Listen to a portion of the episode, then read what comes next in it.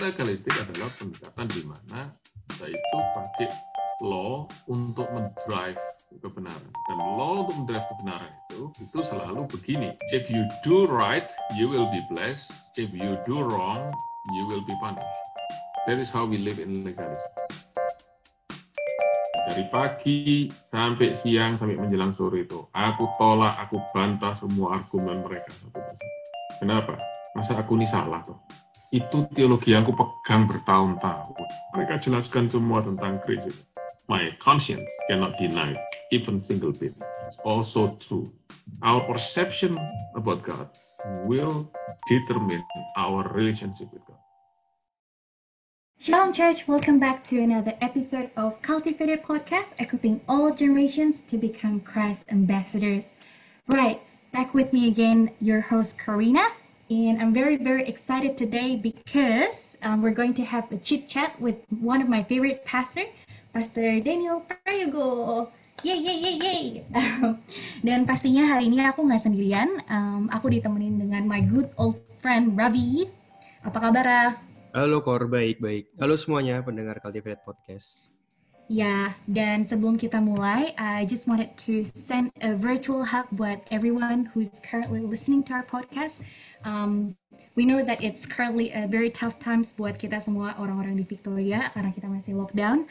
Um, and hopefully soon soon kita udah bisa ketemu lagi karena kayaknya nih um, angka-angka new casesnya udah mulai turun nih, Raf.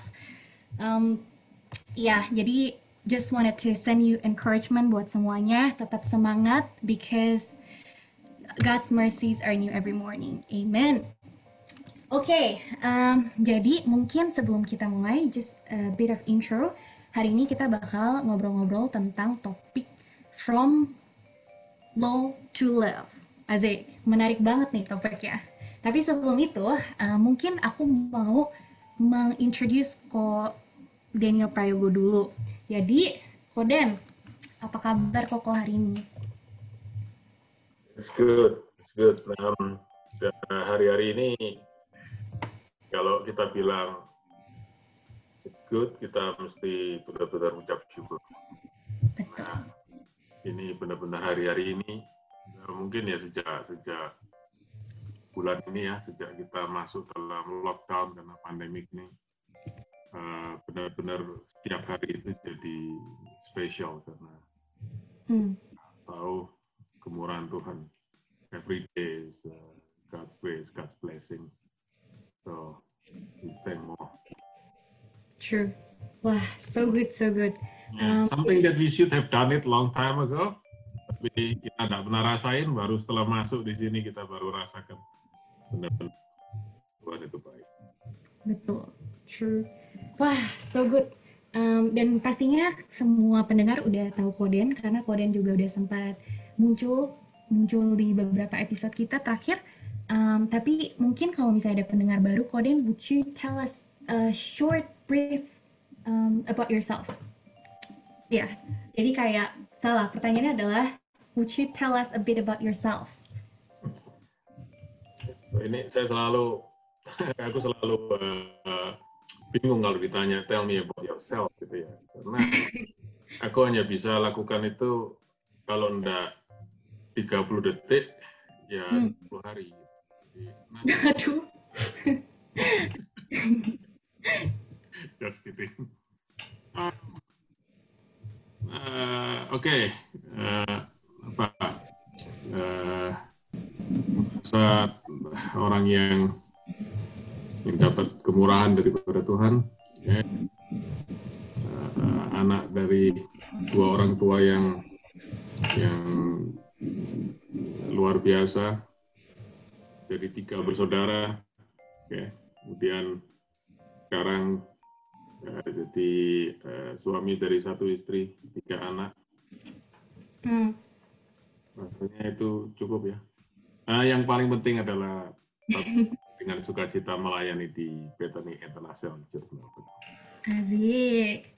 Nah, Koden, Koden udah berapa lama nih jadi pastor? Udah berapa tahun? Uh, Oke, okay. saya lebih uh, lebih uh, spesifik aja ya melayani di, di Melbourne. Hmm. Itu mulai uh, bulan tepatnya itu rasanya bulan September tahun 1999. Um, terus Koden, nah kan kalau misalnya pendengar-pendengar udah pernah dengerin episode-episode sebelumnya, kita juga pernah kemarin ngobrol-ngobrol bareng um, Ci Eli, istrinya Koden.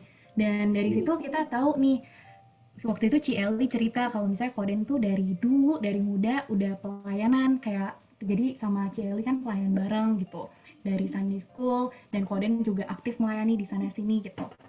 Terus um, as you have mentioned as well, Koko kan juga grew up in um, an environment yang papanya pendeta kayak gitu.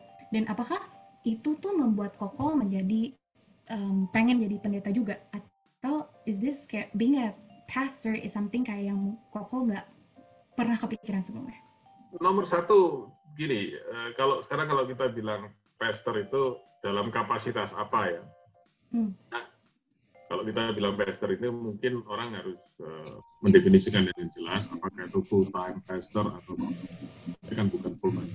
Saya melayani sebagai salah satu hamba Tuhan ya hmm. panggilan kerennya pastor semua ya di ya. kita di IC Melbourne. Tapi saya bukan full time pastor di di, hmm. di IC Melbourne ya. Uh, saya masih bekerja secara profesional.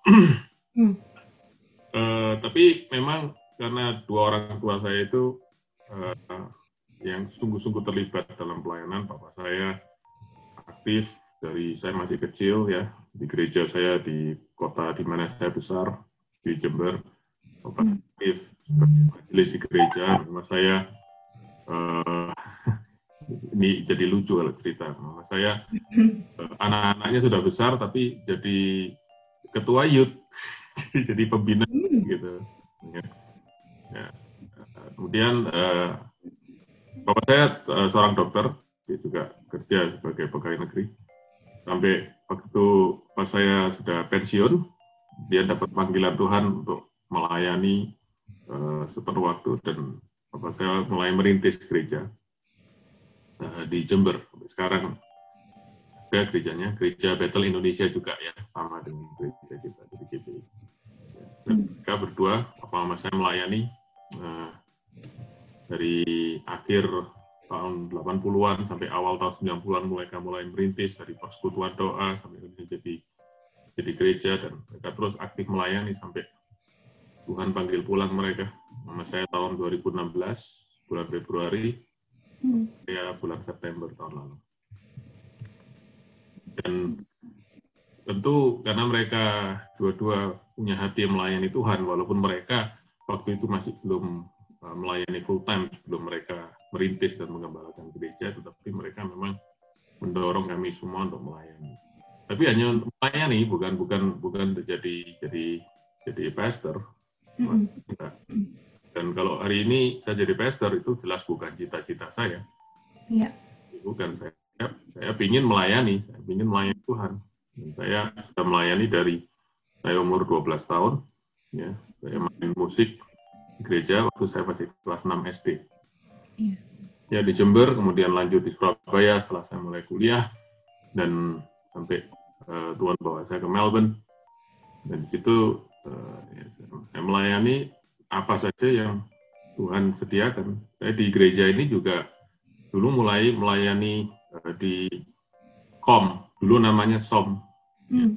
waktu itu uh, menarik sekali, saya pernah melayani uh, uh, murid saya itu cuma empat, yaitu dua pasang suami istri. Kamu pasti kenal di gereja kita. Itu Pak Ugul dan istrinya Bu Linda, suami istri, dan Pak Willy dan Bu Lina, suami istri. Jadi hmm. saya ngajar empat orang waktu itu di gereja dulu sekali di Elizabeth Street di Malvern atau Malvern.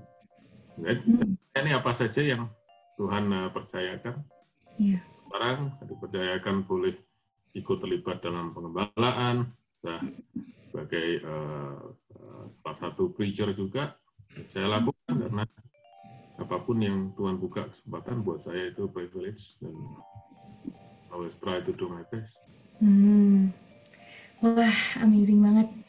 Oke, okay. um, terus nih Koden, um, kan hari ini kita topiknya bakal ngomongin tentang from low to love gitu. Dan mungkin ini topik yang lagi hot gitu ya. Akhir-akhir ini aku tuh sering sering gitu dengar um, banyak orang yang nanya-nanya tentang grace, tentang ngomong-ngomong tentang grace terus ujung-ujungnya ada ada kayak satu ini legalism gitu. The word comes uh, legalism. Cuman kok um, to understand it fully apa sih artinya legalism tuh? Kamu lebih tertarik ngerti grace atau lebih tertarik legalism? Sebenarnya grace sih. we don't need legalism. What we need is grace. Cuman ini ini ini side track dikit.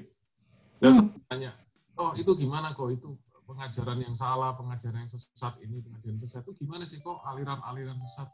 Hmm. Kamu kok tertarik belajar yang sesat kok? Soalnya tuh lebih banyak kontroversinya gitu kok, kayak lebih banyak. Jadi ya gitu. People love yeah. kontroversi ya. Betul. well, I understand, I understand. Saya aku aku ngerti dan dan memang memang eh, apalagi ini ya kita ini kan punya salah satu keinginan kita itu eh, namanya curiosity. Hmm. Dan, dan uh, curiosity itu selalu ingin mencari hal-hal yang kita belum tahu. Nah, kalau yang hal-hal yang umum, yang general kita sudah tahu, lalu kita mulai cari yang aneh-aneh kan. Oke, okay? karena curiosity kita selalu ingin mengejar something new. Eh, aku pengen tahu deh, ini, ini, ini. That's okay. Tapi saya mau mulai dengan ini dulu. Hmm. Oke, kalau kita tahu grace oke, okay? ini ini general saja ya. Kalau kita tahu grace yang benar dan legalisme itu nggak benar, okay? maka lebih baik kita kejar dulu. Kita tahu grace yang sungguh-sungguh itu seperti apa gitu ya. Karena begini, begitu kita tahu grace yang benar seperti apa, kita bisa membedakan dan kita langsung bisa tahu dengan sendirinya legalisme itu bukan grace. Kita bisa tahu. Okay. Hmm. Ada berbagai macam versinya. Nah, legalisme cuma salah satu saja yang yang uh, apa uh, istilah yang kontroversi yang dikaitkan dengan grace. Tapi ada yang lain, yang saya bisa cerita istilah yang lain namanya antinomian, ya, uh, lawless, ya. Hmm itu itu itu juga salah satu uh, apa ya uh, kontroversi daripada daripada yang berkaitan dengan grace. Nah, hmm. saya bilang oke okay, orang mau belajar apa itu antinomian, mau belajar apa legalisme silakan. Tapi kalau orang tidak belajar grace yang benar, maka yeah. cuma maka kita mesti mulai dengan belajar grace yang benar lebih dulu. Oke, okay? hmm. karena itu kalau saya khotbah di gereja, saya jarang sekali. Mungkin saya cuma nyebut bahasa Inggrisnya in passing ya. In passing itu maksudnya ya cuma nyebut sepintas saja. Oh, antinomian. Oh, tapi saya tidak mau terlalu banyak spend waktu di situ sebab saya tahu yang jemaat perlukan, yang kita orang Kristen perlukan itu hmm. pengetahuan tentang antinomian. Tapi tentang grace. Karena hmm. amazing to grace, kita tahu lagunya Amazing Grace. Tidak ada lagu Amazing Legalism. amazing Antinomianism. Yang ada hmm. Amazing Grace. Nah, maka kita mesti home in, kita mesti uh, uh, benar-benar lebih mendalami itu hmm. Kasih karunia, grace. Dan setelah kita tahu itu, maka kalau ada orang yang ngajarkan uh, legalisme, kita langsung bisa tolak. Kalau kita orang ngajaran antinomian, kita juga langsung bisa tahu. Hmm. Lalu kita bisa tahu apa itu hyper grace. Oke, okay? kalau memang kalau memang itu pengertiannya benar, gitu ya. Apa itu extreme grace dan lain-lain semuanya. Oke, okay. um, terus Koden, kalau misalnya boleh tahu nih, Koko pas kecil, how's your upbringing gitu? Apakah dari dulu Koko udah belajar tentang doktrin Grace ini kah? Atau um, gimana tuh? My upbringing, uh, very very simple. Ya, orang tua saya sangat takut akan Tuhan. Mereka orang yang takut akan Tuhan. Mereka orang yang sangat menghormati Tuhan, mereka orang-orang yang sangat menekankan hidup dalam kebenaran, dan tentu mereka mengajar semua anak-anaknya, terutama mama saya itu dengan keras sekali untuk kita semua jadi anak-anak yang baik, ikuti semua uh, uh, apa uh, peraturan, ya. Kita harus berbuat baik, baca Alkitab setiap hari, ya. Dan ingatkan ayat firman Tuhan, hafalkan ayat firman Tuhan setiap hari. Saya semua itu sangat-sangat sangat-sangat appreciate, sangat-sangat respect, dan sangat-sangat grateful. Oke, okay? Jadi benar-benar salah, mereka tegur, ya, mereka mereka marahin, oke, okay, dan tentu ya dengan konsekuensi yang lebih lagi kalau kita masih bandel juga. Jadi itu orang tua saya.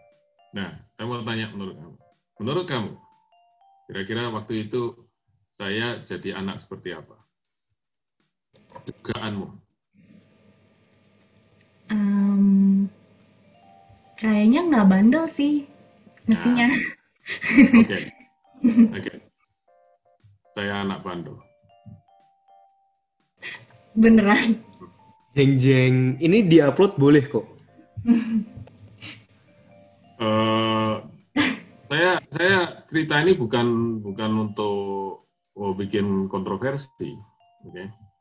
Tapi itu yang membuat saya justru makin tahu bahwa nanti kalau kita mau bicara lebih dalam ya, bahwa law doesn't make people righteous. Dan saya hmm. saya tahu orang tua itu ingin saya jadi anak baik. Maksud mereka baik. Cara yang mereka lakukan itu dengan maksud yang baik. Mereka menegakkan benar-benar kebenaran. Mereka benar-benar mendisiplin. Itu semua maksudnya baik. Dan tentu saya ada hari ini tidak lepas daripada upbringing mereka. Tapi kalau bicara soal benar-benar ketaatan, saya taat sama mereka. Dengan salah. Saya tidak pernah kurang ajar kepada mereka. Saya tidak pernah bantah mereka. Saya takut pada orang tua saya. Tapi tentu ketaatan saya itu adalah ketaatan yang berdasarkan ketakutan dan karena saya ingin menghindari hukuman. Salah satu yang saya masih ingat, saya tidak sungkan untuk mengaku, adalah salah satu yang saya paling suka adalah karena kami tinggal di kota Jember ya. Dan mama saya itu, jadi saya punya opa, itu engkong saya, dari mama saya itu di Surabaya. Nah, mama saya dulu tinggal di Surabaya lama, jadi uh, sering kali banyak urusan di Surabaya. Saya paling senang kalau dengar mama saya akan ke Surabaya. Nah, itu dah paling senang. Karena berarti apa? Ada kebebasan sedikit di rumah. Itu itu saya cerita dari situ saya bisa makin mengerti apa yang firman Tuhan katakan bahwa law doesn't change people bukan law-nya yang jelek. Tapi karena Paulus bilang di dalam Roma pasal 7, saya saya masuk dikit dia ayat Alkitab ya kalau Anda perhatikan. Roma pasal 7, Paulus bilang gini, hukum Taurat itu kudus. Hukum Taurat itu benar. Tapi aku ini yang bersifat dosa. Kalau dihadapkan dengan hukum Taurat yang kudus, semakin aku melihat kekudusan hukum Taurat, semakin aku melanggar. Karena sifat dagingku ini selalu ingin melawan. Karena sifat dagingku sudah terjual kepada dosa ini selalu maju. Jadi di mana ada ada hukum, di situ ada pelanggaran. Semakin aku ingin melakukan yang baik, semakin aku melakukan yang baik. Semakin aku tidak ingin melakukan yang tidak baik, semakin aku melakukan. Jadi semua karena sifat dosa dan itu kalau aku ingat-ingat masa kecilku, aku semakin yakin apa yang hari ini Tuhan ajarkan padaku tentang kebenaran firman Tuhan, yaitu kasih karunia. For me, that is the only answer. I cannot find it otherwise. Thank you, Ko. Benar sih. Setuju. Wah, Koden, uh, itu tadi menarik sekali. Uh, thank you banget, Koden. And then I wanna go to the next question, Niko. Uh, salah satu khotbah di BIC Melbourne yang waktu itu paling menyentuh aku itu sepertinya tahun lalu di John uh, tentang lahir baru kok. Dan the question next is what and when was your turning point kok kalau gitu untuk akhirnya bisa mengenal kasih karunia Tuhan? Oh, aku tidak bisa begini, uh, bukan tidak bisa ya, aku bisa aja, tapi tidak lengkap rasanya kalau aku cerita langsung aku itu mengenal Grace ya tanpa aku cerita perjalanannya gitu. Sebab ini ini ini ini. Jadi saya cerita tadi karena aku dibesarkan di orang tua yang seperti itu yang aku berterima kasih ya, sampai hari ini ya. Itu buat aku uh, there's a lot of things that, that happen today okay, because what they did tapi di situ juga ya aku belajar satu hal tentang tadi aku cerita tentang kebenaran nah karena orang tua aku itu nah di sini aku bilang ya nah orang tua aku itu adalah itu sebenarnya cara pendekatan orang tua itu namanya pendekatan legalistik. Oke, pendekatan legalistik. Pendekatan legalistik adalah pendekatan di mana kita itu pakai law untuk mendrive kebenaran. Dan law untuk mendrive kebenaran itu itu selalu begini. If you do right, you will be blessed. If you do wrong, you will be punished. Oke, okay? itu pendekatan legalistik seperti itu. Dengan kata lain, dengan kata lain eh, apa? Kalau kita ini eh, hidup benar, kita kita akan dikasih reward. Rewardnya mulai dari paling basic, ya, disayang, ya, dipuji, atau tentu uh, tambah bonus-bonus yang lain ya, dibeli ini, itu dan lain sebagainya. Pokoknya happy happy life, ya, dapat happy life. Dan aku rasa in general, you know, most parents will do that. Oke, okay? mana ada parents yang anaknya nakal tambah, oh bagus bagus ya lebih lagi kan tidak mungkin. Oke, okay? nakal dimarahin, gitu ya.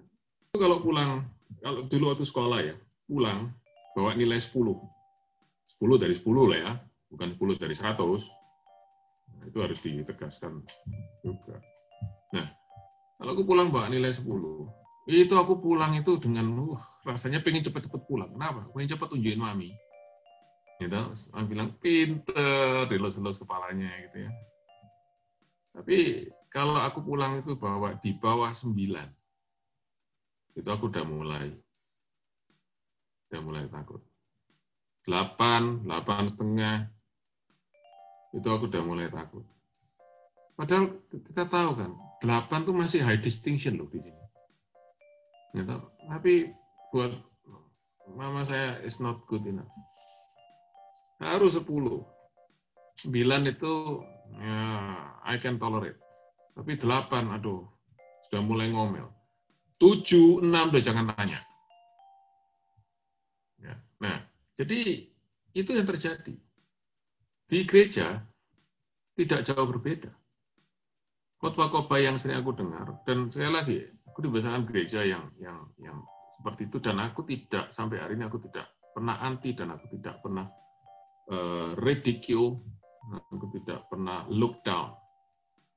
Aku tetap berterima kasih karena itu jadi bagian dari my spiritual journey, oke? Okay?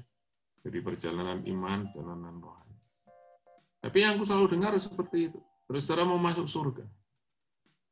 Kita harus hidup kudus, kita harus sungguh-sungguh. Apa itu salah? Tidak salah. Bahwa kita harus hidup kudus tidak salah. Dan kalau kita mau masuk surga, kita harus benar-benar hidup kudus. Tidak salah. Pertanyaannya bisa enggak? Itu sebabnya selama aku hidup di dalam teologi yang seperti itu, seperti itu, satu hal yang aku tidak pernah punya. Aku tidak pernah punya namanya jaminan keselamatan, keyakinan keselamatan, assurance of salvation. Aku tidak pernah punya Aku bisa merasa kadang-kadang aku ini yakin selamat, tapi tidak pernah konsisten. One day I believe, more days I doubt it. Kenapa? Namanya kita hidup itu selalu ada ups and down ya. Oh, bangun pagi, haleluya Tuhan, berdoa, pergi sekolah, aduh baik, semua lancar, oh dapat nilai 100, pulang, sampai rumah ditanya, misalkan ada pendeta ditanya, sampai rumah, tanya sama aku, kamu yakin hari ini kamu selamat, hari ini kamu sudah tak jawab 100% yakin. Kenapa? I've gone through a very, very good day. Tapi coba bangun pagi. Udah bangunnya telat, sampai sekolah telat, dihukum lagi, lalu tengkar sama temen, dipanggil guru, ya, terus macam-macam ya. Lalu bapak eh, pulang ke rumah, ditanya, yakin kamu selamat? Hmm. Jangan tanya deh. Ini contoh miniatur yang kecil aja. But that's really what's going on. Oke? Okay? Itu satu yang terjadi dalam diriku. Aku tetap tidak pernah bisa yakin. Dan setiap kali aku dengar khotbah itu aku selalu merasa stres karena semakin ditekankan engkau harus hidup kudus, semakin aku itu merasa aduh, tidak mungkin. Tapi ada satu efek lagi yang sebenarnya lebih berbahaya daripada itu. Yang aku rasakan ini ini ini, ini reflection ya, ini apa ya perenungan bertahun-tahun yaitu apa? Karena aku aku menanggung beban legalisme yang seperti itu. Aku tanpa sadar jadi orang yang legalistik. Waktu aku waktu aku hidup nih jadi baik karena aku mulai melayani, oke? Okay? Aku ini ya aku tidak sempat cerita nakal, aku sempat nakal tadi, tapi akhirnya apa, eh, ya akhirnya sadar juga, baik juga, gitu ya. Apalagi sejak eh, mulai ketemu Cik Elizabeth, aku jadi anak yang sangat manis. Ya, kenapa? Kenapa sangat manis ya?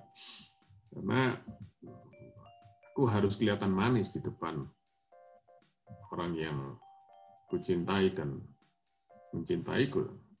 Masa? Masa ini aku apa adanya? Aku terus terang nggak bisa seperti itu. I must behave. Aku jadi anak yang baik.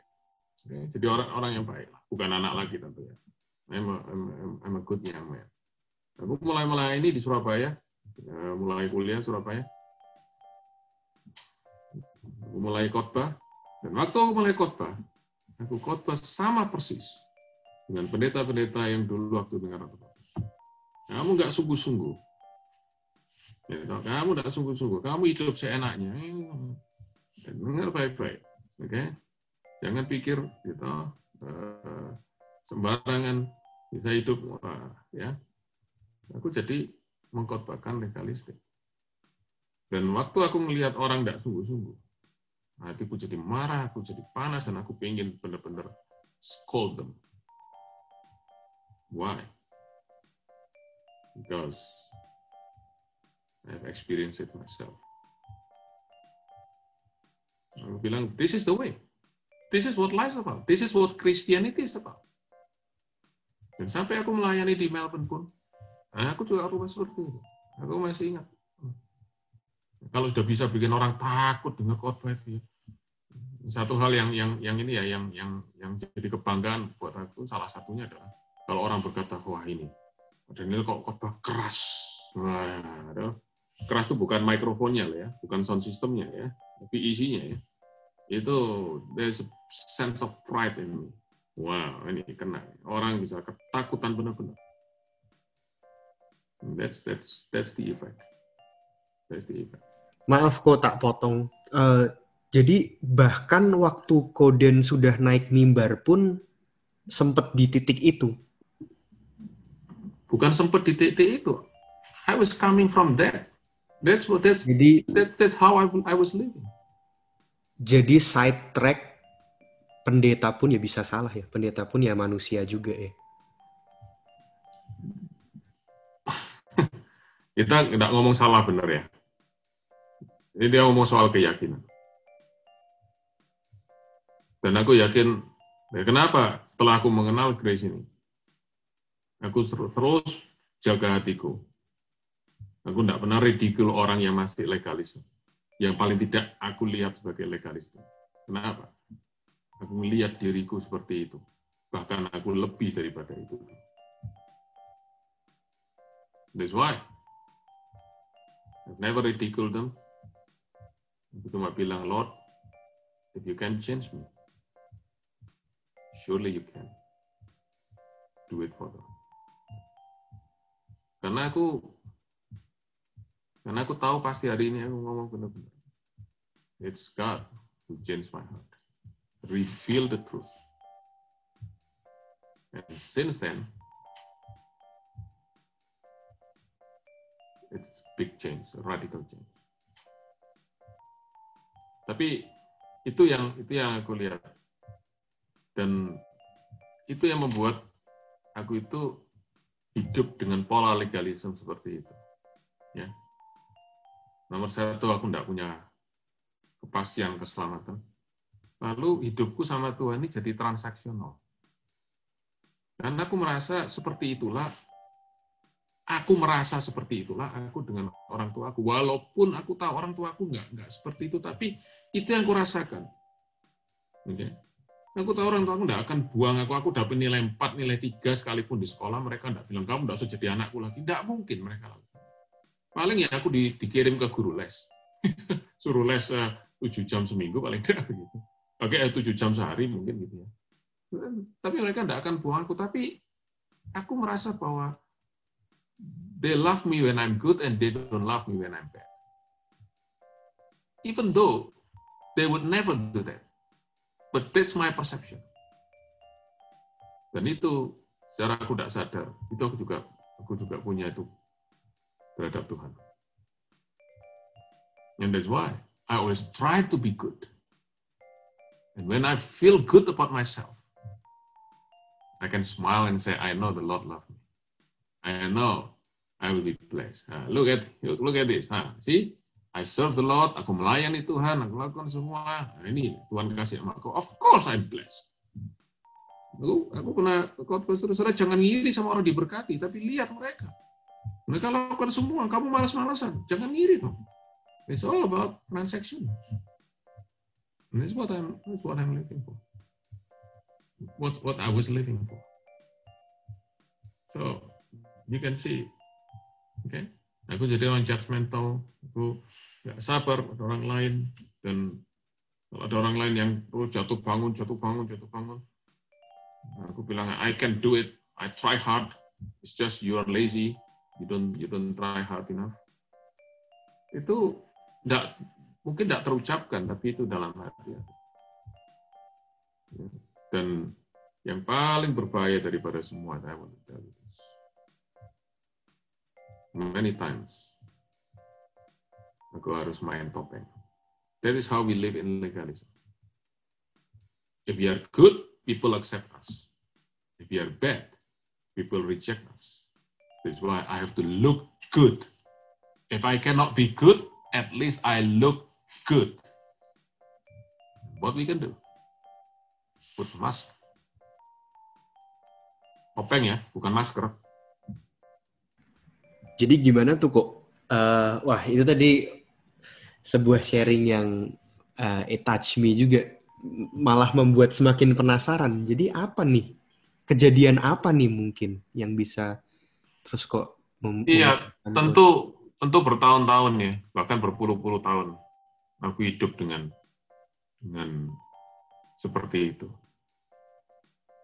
Aku aku aku ngerti, aku bukan ngerti, aku tuh ngomong grace itu, oh, grace nyanyi Amazing Grace itu udah literally ratusan mungkin kalau enggak ribuan kali. okay. Tapi aku enggak benar-benar ngeh gitu loh bahasa anunya ya. Apa ya ngeh itu ya? Ngeh itu N G E H, oke? Okay? Itu namanya ngeh. Okay? Nah, sampai satu kali, nah itu kan mulai buka pelan-pelan pikiranku ya, sampai satu kali aku ini, ini ceritanya di, di gereja. Satu kali ada sepasang suami istri bergabung ke gereja kita. Ya. Mereka asalnya Indonesia, tapi pernah di Singapura, gitu, dan, dan kemudian eh, suaminya kerja di Melbourne, jadi ke gereja kita. Somehow. Itu ceritanya juga lucu, karena mereka itu sebenarnya apa lagi datang Melbourne mau cari gereja, lalu ketemu satu anggota gereja kita lagi jalan di Clarendon Street. Jadi mereka lagi di Clarendon Street, jalan-jalan minggu pagi, ketemu salah satu jemaat, ya sih, sekarang udah pulang for good, bawa Alkitab. Lalu mereka lihat loh, ini anak muda bawa Alkitab, lu tanya. Mereka tanya, eh, sorry, you mau ke gereja ya? Iya. Mana gerejanya? Oh, deket sini. Nah, mereka datang gereja kita. Sekali datang, nyantol di situ terus. Sampai mereka terus uh, apa, pulang pulang for good lagi ya karena eh, suaminya pindah ya tapi akhirnya enggak, uh, singkat cerita saya itu jadi akrab dengan ini suami istri ini mereka juga punya anak di sini punya anak tiga bergabung di gereja kita sama-sama. Terus apa? Uh, saya jadi akrab dengan mereka, sering ngobrol-ngobrol gitu ya. Nah, aku ingat itu tahun 2008. Good Friday 2008. Tanggalnya lupa, tapi kalau Good Friday-nya aku enggak lupa. Oke, Good Friday 2008. Lalu hari Sabtu, itu gini, aku tuh mesti khotbah Good Friday dan hari Minggu, hari kebangkitan Tuhan Paskah. Nah, kalau aku khotbah hari Minggu, Sabtu, aku udah nggak mau diganggu. Aku selalu prepare khotbah itu dari pagi. Itu itu prepare tuh maksudnya bukan nyari bahan, bahannya sudah ada. Tapi nulis catatan khotbahnya itu, itu aku butuh at least uh, 8 to 10 hours. Okay, just to write the sermon note. Okay. Belum mengumpulkan bahan-bahannya. Nah, jadi kalau Sabtu aku udah nggak mau nggak mau diganggu. Tapi kok ini ya si suami ini uh, telepon aku, Esther, yuk kita ngobrol-ngobrol yuk. Di mana? Di Mokajos. Kamu tahu Mokajos? Itu di Glen Waverly di pojok. Ya, itu agak seberang dari village itu. Ya, Mokajos. Nah, if I can tell you exactly the story, you know. It's really in my heart. That's why I can tell you all the details. Kita ketemu kira-kira mulai jam 10 setengah 11 pagi gitu. Kita mulai ngopi. Ngopi, sama cake, ngobrol-ngobrol, ngobrol-ngobrol, ngobrol-ngobrol ya. Ngobrol-ngobrol terus gak bisa berhenti. Akhirnya jam 12. Yuk kita makan yuk. Makan order makanan. Makan.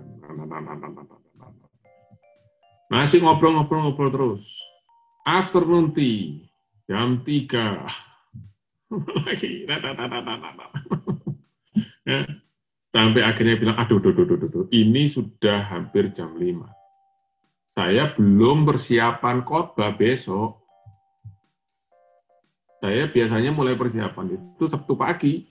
Ini sudah jam 5 kamu sudah menyita 6 jam hampir 6 jam waktu saya. Walaupun tentu ada rewardnya yaitu morning tea, lunch sama afternoon tea. Tapi tetap aja habis ini.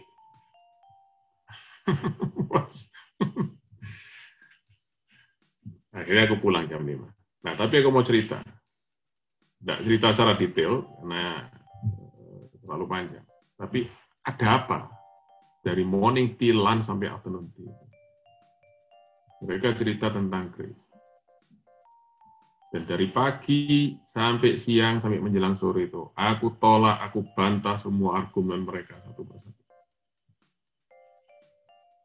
Kenapa? Masa aku ini salah tuh? Itu teologi yang aku pegang bertahun-tahun. Dari kecil. Masa itu salah? Kok sekarang tiba-tiba harus dibalik gitu? Gue bilang, no way Aku bantah, aku bantah, tapi jujur aku bilang. Aku selalu bilang, kalau orang lain pernah dengar aku cerita begini di di di other opportunity, di other forum, they will cross check. I always telling the same thing. Semakin aku bantah mereka, semakin conscienceku, conscienceku tell they are right, you are wrong. Tapi of course, uh, masa pastor bilang sama jemaahnya, ya, ya, ya, ya, Anda benar, saya yang salah. Ya, ya dapat-dapatnya bila hal itu bergantung padamu ya, nanti dulu lah ya, gitu ya. Ada, ada, aku harus aku ya ada, ada, ada pride untuk bilang ya, you are right. Aku bilang, oke, okay, let me think about it. Let me think about it. Tapi, aku bisa aku bisa tahu benar yang mereka ngomong mereka jelaskan semua tentang Kris itu my conscience cannot deny even single bit. It's also true. Dan di situ sebenarnya, karena aku sudah tahu banyak ayat Alkitab, di situ sebenarnya mereka ngomong itu, itu seperti membuka satu demi satu kebenaran firman Tuhan yang aku sudah tahu ayatnya, tapi aku tidak tahu artinya. Aku sudah baca ayatnya, tapi tidak pernah ngeh. Tadi aku bilang itu, NGEH. Mereka bilang, oke, okay, let me think about it. Terus mereka bilang, oke, okay, Master, kita pulang ya, pulang, pulang, pulang. Mereka antar aku pulang. Bilang, ah, ini ini ya gara-gara kamu aku harus nggak tidur semalam ini. Oh, ya, sorry, sorry, Pastor, sorry, sorry. Next time kita anu lagi. Saya juga nggak ngerti, Pastor juga nggak bilang kalau bisa. Tapi ada bilang mulai tadi. Oke, mereka pulang. Mereka pulang, aku masuk rumah. Aku mikir aku mau khotbah apa besok. Aku ini tergerak baca Roma pasal 6. Oke, baca Roma pasal 6. Karena kan aku nggak tahu, kamu kamu sudah pernah baca kitab Roma enggak? Coba kamu baca kitab Roma. Kamu kira-kira ngeh enggak? Kamu mudeng enggak isinya itu? Aku bertahun-tahun baca kitab Roma, kitab Galatia, kitab Ibrani. Oh, dia. What is this about? Aku tahu kitab Roma, Roma 12 ayat 1, persembahkanlah tubuhmu sebagai sembahyang yang hidup. Itu kalau lagi mau cari pengerja, itu ayat dipakai. Saudara-saudara, mari kita nyanyi, Bapa, aku persembahkan tubuhku. Oke, apalagi? Roma 8 ayat 28. Malah turut bekerja dalam segala sesuatu. Kasih judul khotbah yang bagus, Blessing in Disguise. ya cuma ayat-ayat itu aja. Tapi yang lain ini Nah, ayat Roma pasal 6 aku pakai dalam baptisan, aku nggak pernah benar. Kamu pernah nonton, aku mau tanya, kamu pernah nonton film 3D? Pernah nonton film 3D? Pernah. Pernah. Aku mau tanya, kamu pernah nggak nonton film 3D? Oke, aku tanya gitu. Kenapa kamu bisa nonton film 3D? Apa yang hebat tentang film 3D? It's so alive, right? So real, right? Itu kalau air air muncrat itu benar-benar rasanya seperti mau kita badan kita seperti mau mundur gitu kan. Iya benar-benar. Kalau mau ditinju itu kayaknya kita seperti mau kena gitu ya. It's so real, betul? Betul. Kamu tahu kenapa bisa seperti itu? Tentu karena tekniknya, tapi jangan lupa karena kamu pakai kacamata 3D. Kamu bisa bayangkan kamu nonton film 3D tidak pakai kacamata 3D pernah? Tidak pernah, tapi bisa bayangkan Bisa. Biasa aja. gambarnya burem, Burem. kepala. Iya. Oke. Gambarnya sih ada. Bisa kelihatan, tapi pusing kepala. Kenapa aku cerita ini? Aku baca Alkitab. Roma, Galatia, Ibrani, dan banyak ayat di Alkitab. Itu kayak nonton film 3D, nggak pakai kacamata 3D. Aku baca, ayatnya aku ngerti, aku hafal. Tapi tidak pernah benar-benar jereng. Aku pulang dari situ. Conscience-ku itu benar-benar dibukakan. Aku baca Roma itu. Aku benar-benar kaget. Aku bilang, kok bisa, boleh aku pakai bahasa aku ya, kok bisa cek jelasnya tuh ya. Kok begitu so beautiful, so beautiful. Oke, aku tidak bisa express more than this. But it's so beautiful. Aku bilang Tuhan, ini luar biasa. Sampai hari ini beberapa orang yang sudah pulang ke Indonesia, alumni gereja, mereka ingat betul hari Minggunya besok khotbah dari ayat itu. Mereka bilang, itu aku benar-benar rasain God dan khotbah itu benar-benar on fire itu. I feel that you have something fresh and new. Ada rekamannya nggak kok? Well, I don't know. You have to, you have to ask. Tapi Wow. itu April, April hari Minggu, pasca bulan Ap- eh, 2008. Ya. Bentar, aku masih ah from your story, maksudnya gini loh, from your story kok, you're you're pastor, you're ministering and and ini tuh cuman obrolan, cuman dalam tanda kutip, cuman obrolan obrolan warung kopi gitu. And then, so what do you call this? God's timing? God's timing. Yeah, maybe. But it's it's nothing but His grace. Aku selesai khotbah itu, si suami yang yang yang apa yang nyulek aku sampai aku nggak bisa persiapan mulai pagi. Selesai kebaktian, dia datang, dia rangkul aku. Dia bilang, Pastor, this is a true revelation. this is what grace is about. Aku bilang, I know.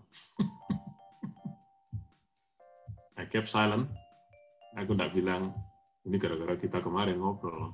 Oh, enggak. Oh. Akhirnya aku bilang juga setelah few years later, aku bilang. Um, tapi that that's my turning point. Dan aku bilang, never will I turn back. Aku tidak bilang bahwa I have comprehended, aku mengerti semua, I have a comprehensive understanding what grace is about. I will never claim that. I'm still learning. I'm still on the journey of knowing more. Yeah. Tapi dari sedikit yang aku sudah tahu sampai hari ini, it's enough for me to say that I will never go back to my old belief. Wah, thank you banget Korin udah sharing. What a beautiful story.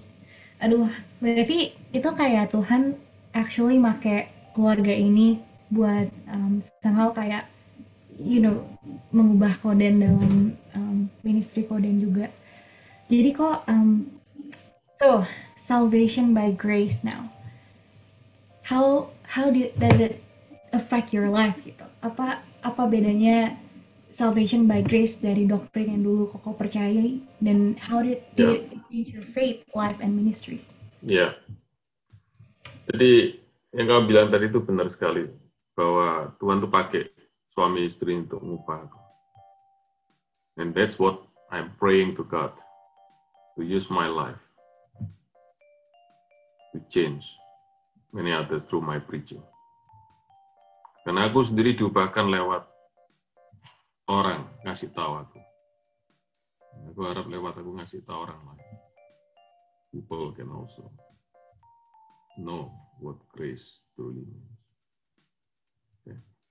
Kalau kamu tanya apa bedanya, then that is simply like this, Koi.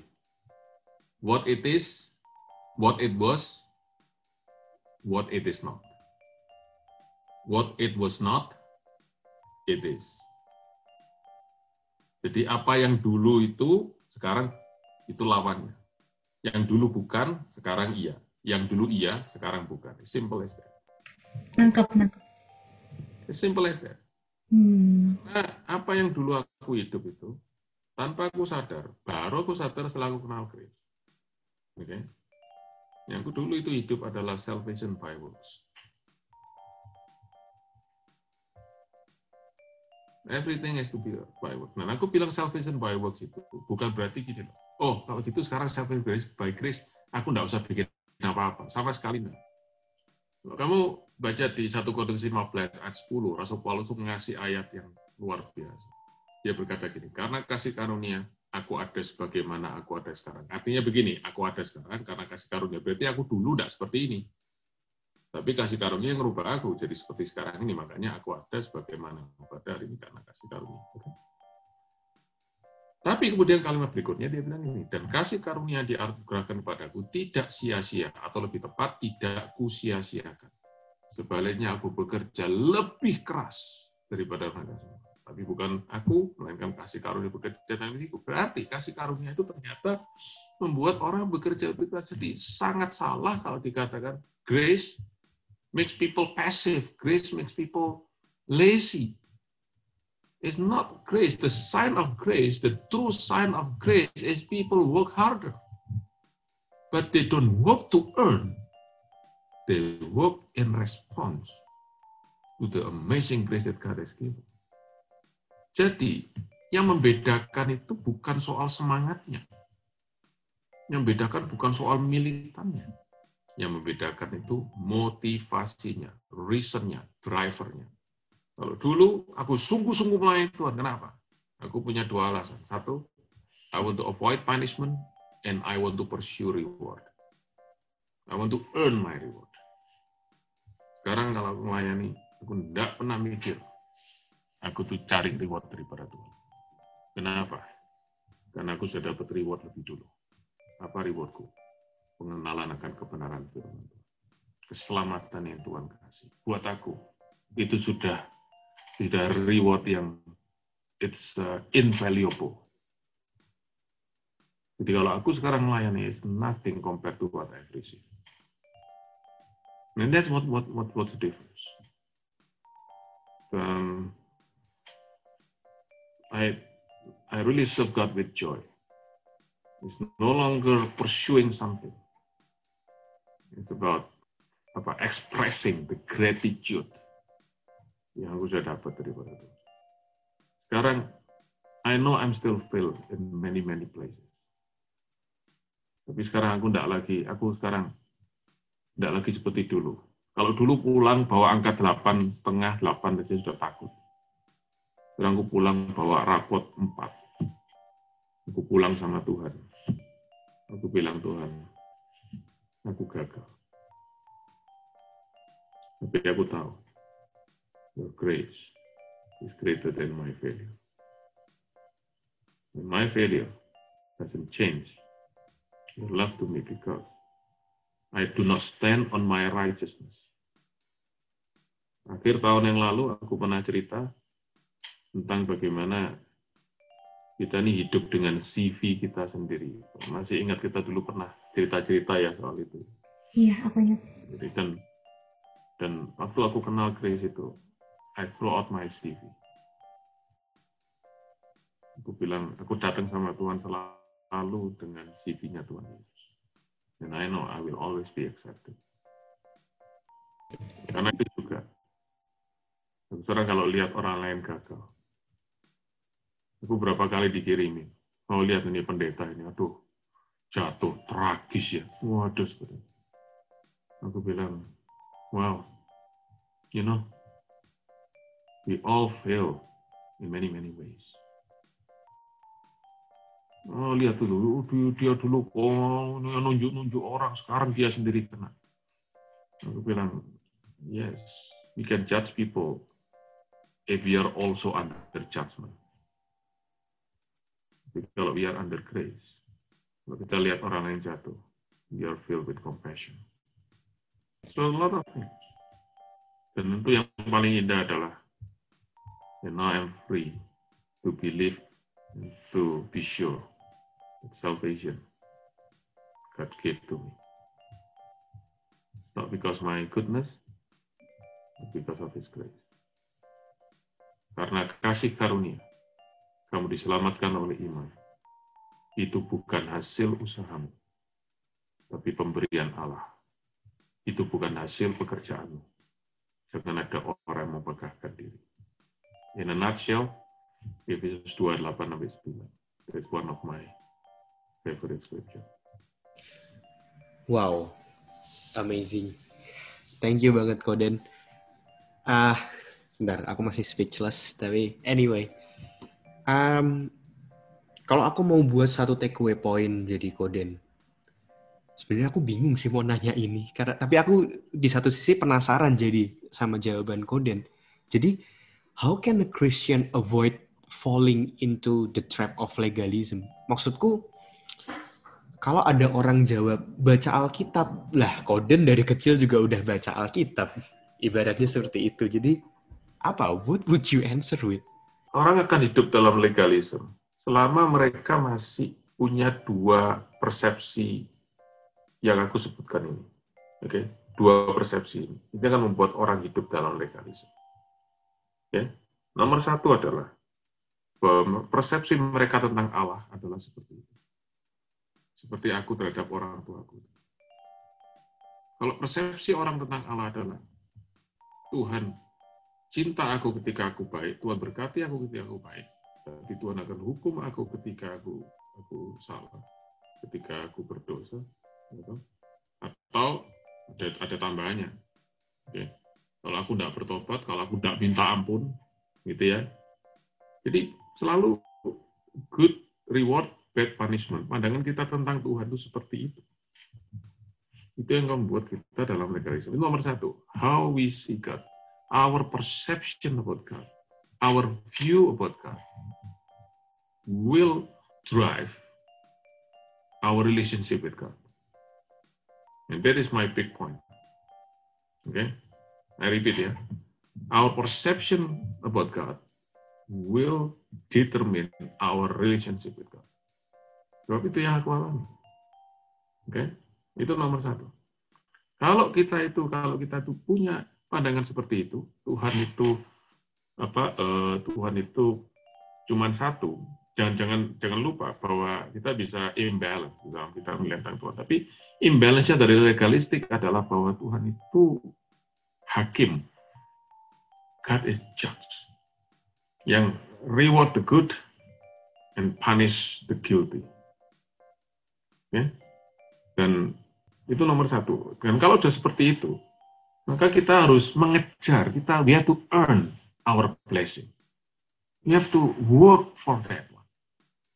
Dan aku bilang tadi, work-nya itu adalah to earn. Karena itu legalisme itu selalu bicara tentang earning, earning, earning, earning. You have to earn it. And when you earn, you know, nothing is free.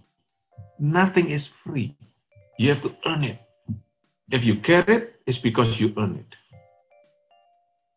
Dan itu yang benar-benar bertolak belakang dengan grace. Karena di dalam grace, you don't earn it. You receive it by grace. And by definition, by grace mean you don't deserve it. Kamu tidak berhak, kamu tidak layak terima itu. Kalau earning, tidak ada itu. Earning harus you have to make yourself deserve to get it. Kamu harus membuat dirimu layak untuk kamu terima. Kalau kamu tidak layak, you don't get it. That's why earning is that is the point. Okay, that's the first perception. Yang kedua adalah kenapa orang masuk dalam legalism? Uh, because they believe in themselves. Mereka percaya aku bisa. I can do it.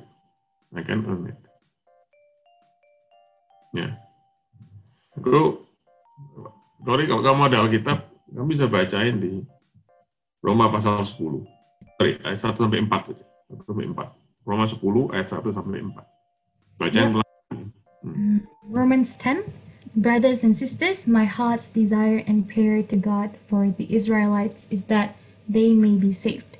For I can testify about them that they are zealous for God, but their zeal is not based on knowledge. Since Bentar, kamu lihat dulu. Ayat 2 itu bilang apa? Their zeal, their zealous for God, but mm. their zeal is not based on the true understanding. Jadi mm. bisa sungguh-sungguh semangat, tapi they have a wrong understanding. Apa wrong understanding yang Paulus maksudkan di situ?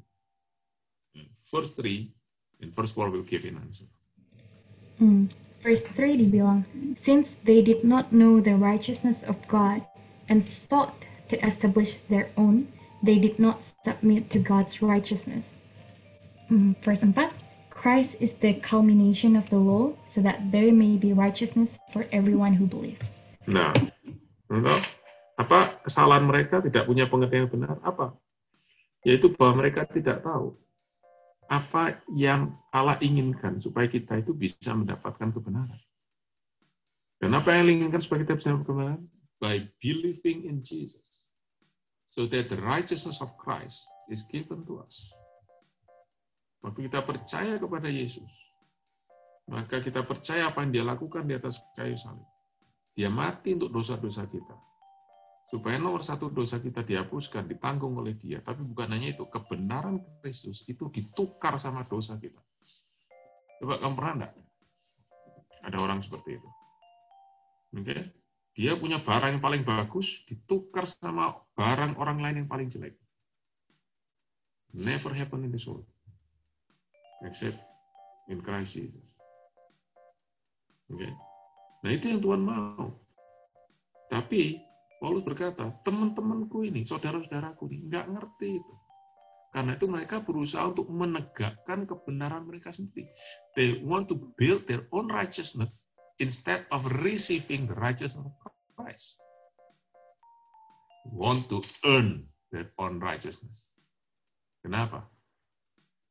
Karena mereka merasa, I can do it. I will be zealous for God. And I can do it. That's why people fall on the legalism.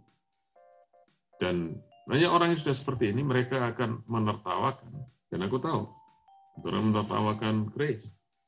Mereka bilang, itu enak saja, cuma percaya masuk surga. Enak saja. Nah, kalau sudah enak saja, apa artinya enak saja? Tidak bisa. We have to earn it. That's that's that's the big point. Karena itu aku bilang what it is, what it is not. what it is not, what it is. Grace, grace is a grace, grace itu begini, itu kamu kayak jalan ya, jalan sempit dan di kiri kananmu itu ada dua jurang. Yeah. On left and your right there is a big cliff. Okay. Mm. Jurang yang kiri itu namanya tadi aku sebut istilahnya antinomian. Mm. Itu secara singkatnya don't worry about the terminology. Okay. Tapi kalau kamu tahu antinomian dari kata antinomian, anti, antinomian artinya you're against the law atau lawless. Ya, jadi kamu tidak peduli. Nah, itu tadi yang kamu bilang tadi itu orang-orang berkata kita sama sekarang ini tidak usah bikin apa-apa.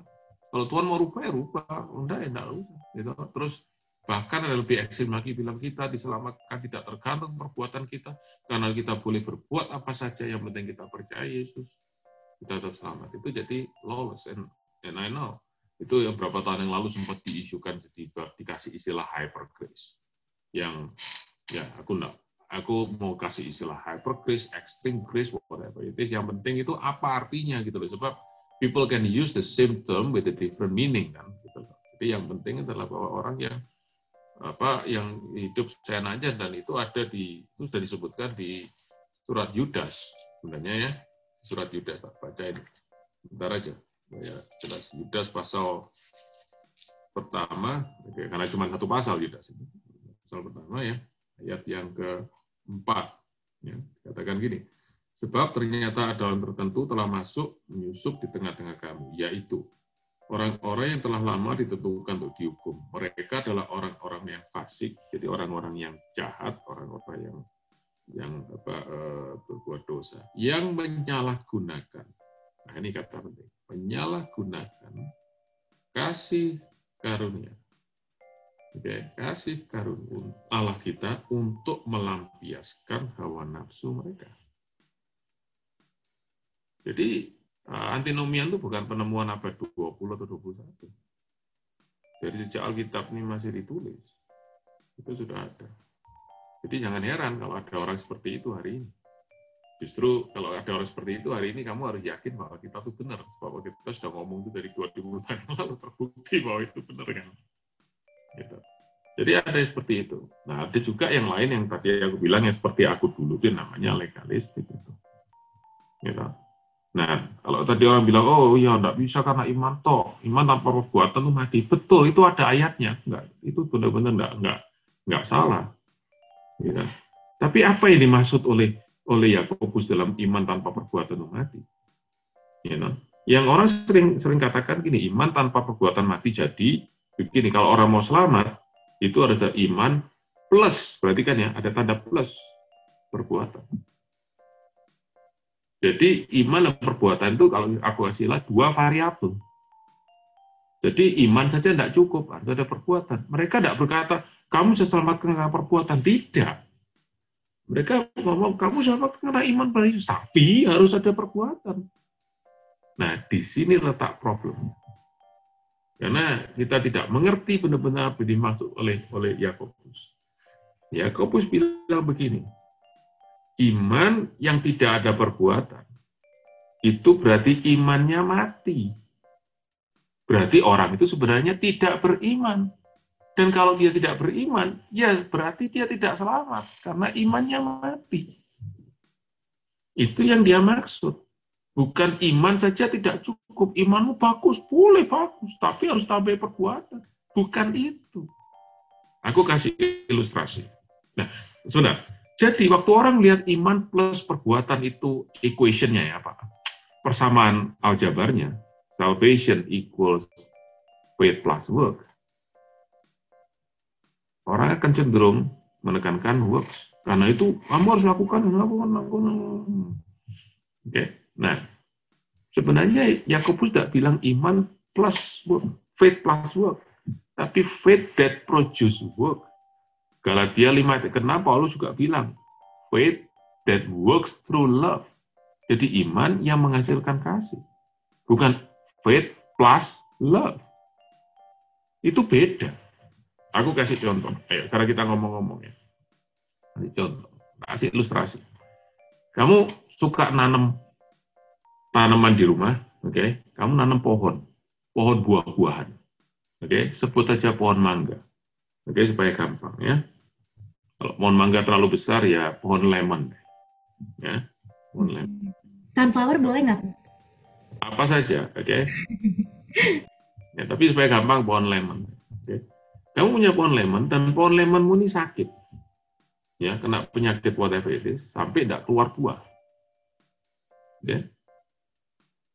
Aku mau tanya sama kamu, what should you do? Karena kamu sudah lihat kok tidak keluar buah. Sekian lama tidak keluar buah. Ini pasti sakit pohonnya, betul? Tidak mungkin, harus keluar buah. What you, what you should do? Apa yang mesti kamu lakukan? Aku, kalau aku, aku bakal Google caranya.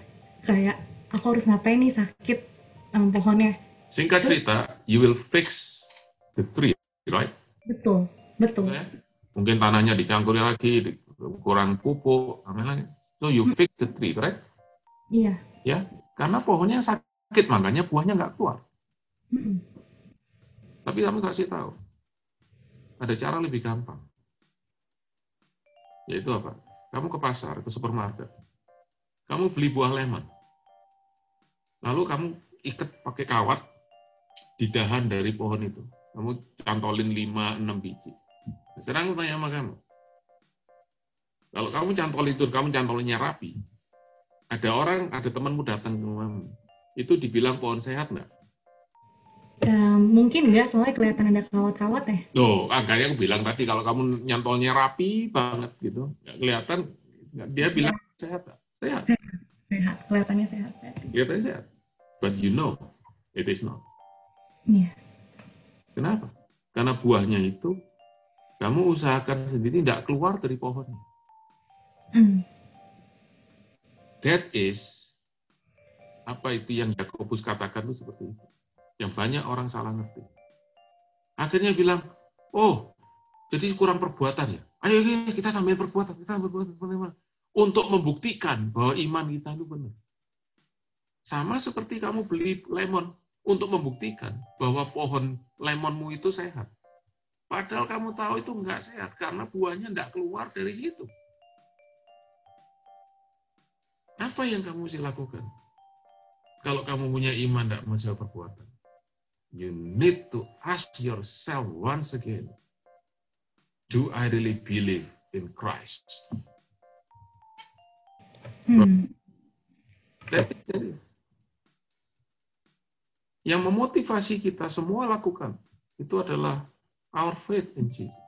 Yang buat kita mengasihi orang lain is our faith in Jesus. Kalau kita tidak bisa mengasihi orang lain, jangan bilang sekarang aku mau berusaha mengasihi. No, kita harus tanya why I can why I can do it. Must be something wrong. I think I believe, but I don't. That's why. My faith is sick. my faith is not healthy. My faith is is troubled. I have to fix my faith, not my work. You fix your faith, your work will flourish. Have to be like that. Kamu betulin pohon lemon, buah lemonnya pasti keluar. Kamu tidak usah ke pasar. Tapi bertahun-tahun, kamu akan hidup dengan kamu terus pohon lemonnya tetap sakit. Kamu terus tiap kali itu buah sebentar tiga hari busuk kan, kamu ke supermarket lagi, beli lagi, ganti. Tiap kali gitu. Capek. Tiring. Why? Karena kita fokus sama buah. Kita tidak fokus sama pohon. That's why when people are focusing on works, not focus on faith, they will get tired. Because they keep putting their effort to put works, works, works, so people can see, wow, this is very, very good, but they're tired. Jadi kalau kita fokus faith. And faith will produce work. Dan where faith come from?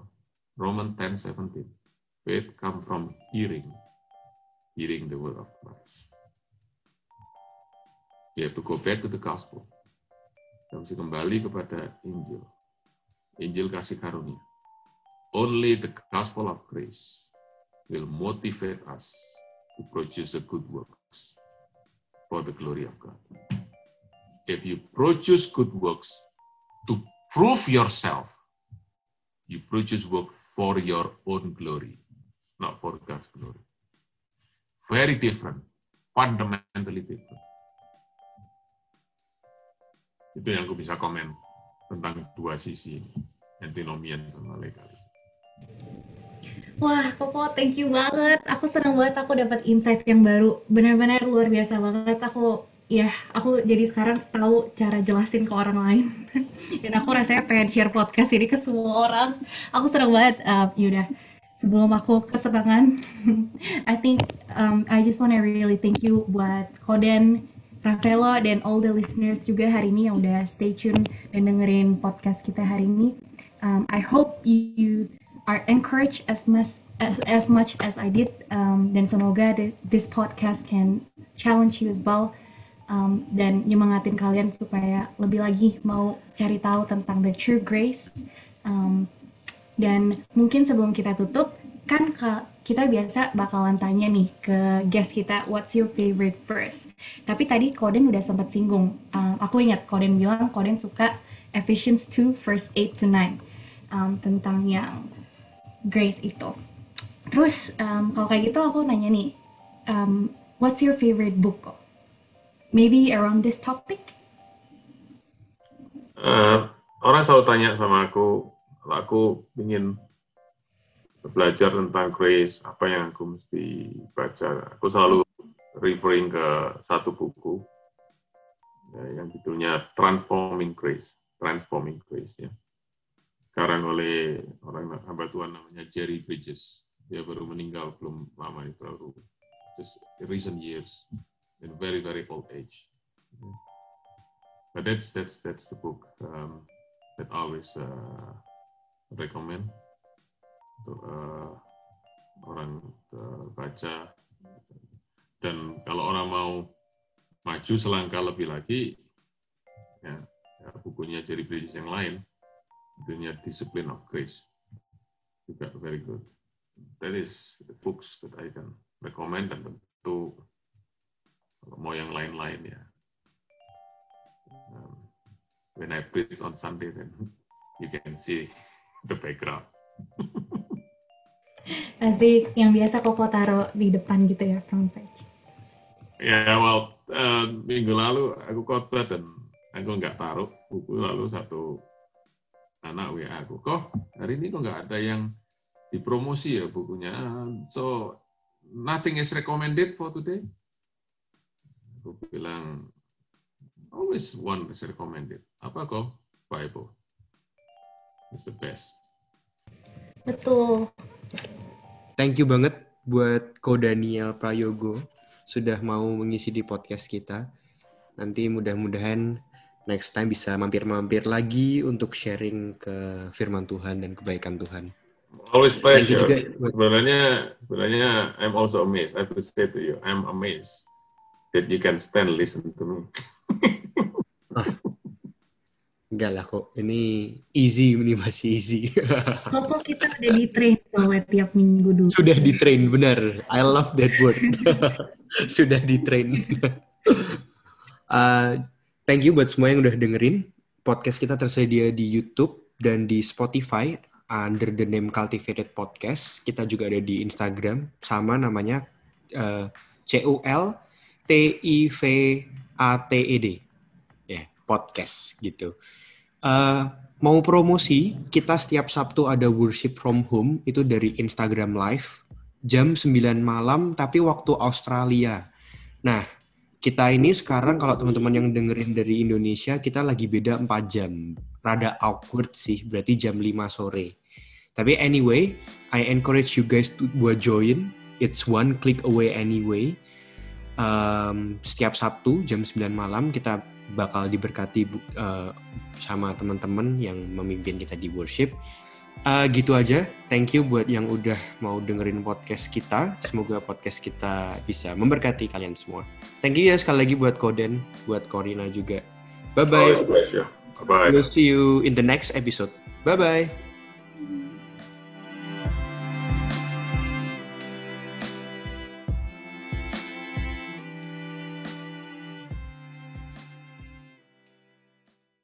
Terima kasih sudah mendengarkan podcast kami. Share podcast ini kalau menurut kalian memberkati. Cultivated Podcast tersedia di Spotify dan YouTube dan kalian bisa cek juga Instagram kita di cultivated.podcast. Terima kasih.